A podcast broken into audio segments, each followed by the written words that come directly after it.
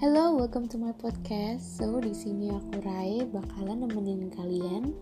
Di podcast kali ini kita bakalan ngebahas tentang digital content writing. Yes, so kalau kalian penasaran, dengerin terus podcast ini sampai akhir dan enjoy. Nah, menyoal tentang writing content skill nih, terutama di era digital ini ya, yang semua itu sudah serba online Nah di dunia online sendiri skill writing itu juga penting guys. Apalagi untuk seorang jurnalis ya. Gak harus nulis di koran tapi sekarang udah ada media baru nih. Udah ada media online. Nah karena itu gimana sih caranya kita bisa menghasilkan tulisan yang bagus Supaya si pembaca ini mau untuk membaca artikel atau tulisan kita sampai akhir seperti yang dikatakan oleh Brooke and Mix, he believes that if you are a good writer and you have a good story to tell, people will, read all the way through to the end. So, dari itu podcast kali ini kita bakal ngebahas gimana sih caranya untuk menghasilkan tulisan yang bagus. Pokoknya tuh guidance gitu ya, menurut yang udah aku baca nih di bukunya Harold Even tentang Essential English for Journalists. So, yang pertama, kita akan ngebahas tentang core writing skill.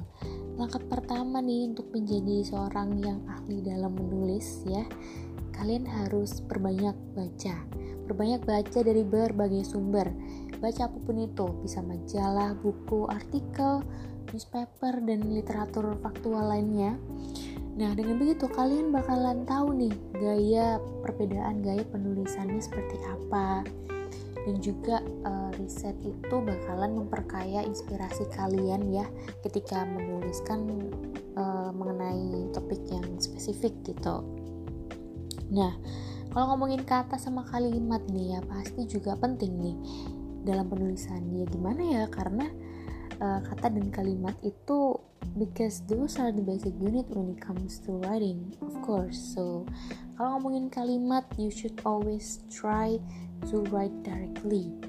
Nah jadi tuh kalau menulis kalimat yang bagus yang benar itu harus langsung dan nggak berbelit-belit gitu.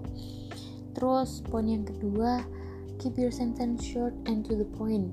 Jadi istilahnya tuh ya singkat padat dan jelas gitulah pokoknya ya remember again di media online orang-orang tuh lebih suka kalau ngebaca artikel yang singkat padat dan jelas gitu ya. Mereka nggak mau ngebaca artikel yang terlalu panjang. Karena selain itu juga ya menurut Leslie Sellers dalam buku ini kalau kalimatnya terlalu panjang kita bakalan susah untuk mendapatkan maknanya. Gitu. Nah kemudian ada word Word menurut Kate Waterhouse sendiri ya untuk penulisan yang benar itu jangan menggunakan kata yang diper eh jangan menggunakan kata yang tidak diperlukan gitu maksudnya. Terus hindari kata yang panjang. Nah pada intinya nih ya Kate Waterhouse itu uh, mengungkapkan bahwa dalam penulisan suatu kata itu lebih baik memilih kata yang simple sederhana agar bisa uh, lebih mudah untuk dipahami gitu. Kayak gitu. Nah oke. Okay.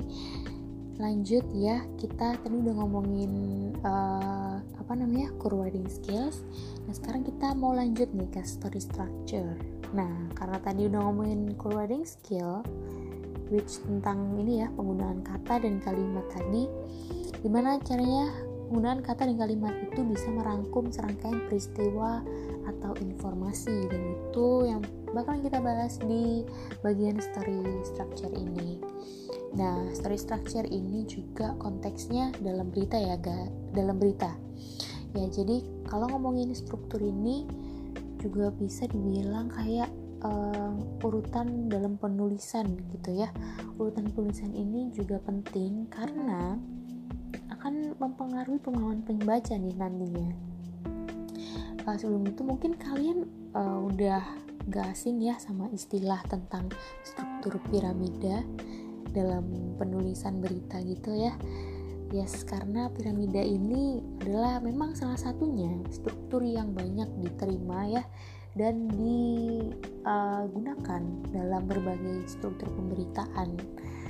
Nah, struktur piramida ini ada yang bentuknya piramida terbalik which mean karena dia piramida terbalik bisa dibilang tuh nilai berita yang terkandung di bagian atas itu paling penting sehingga membaca tuh bisa mendapatkan inti dan inti cerita dengan membaca pendahuluannya aja seperti itu Nah, dalam membangun struktur ada beberapa elemen nih. Yang pertama, kita bakal ngomongin bagian intro atau pendahuluan. Nah, menurut Waterhouse, paragraf pertama itu harus berisi esensi cerita mungkin dalam 25 kata. Di bagian intro ini juga merupakan bagian yang krusial juga ya teman-teman karena uh, bagian yang pertama kali dilihat dan harus dapat menarik minat pembaca nih.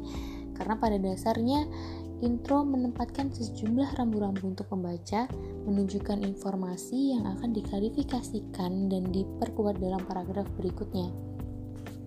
Dan tipsnya adalah usahakan dalam membuat intro diawali dengan kata yang kuat dan spesifik.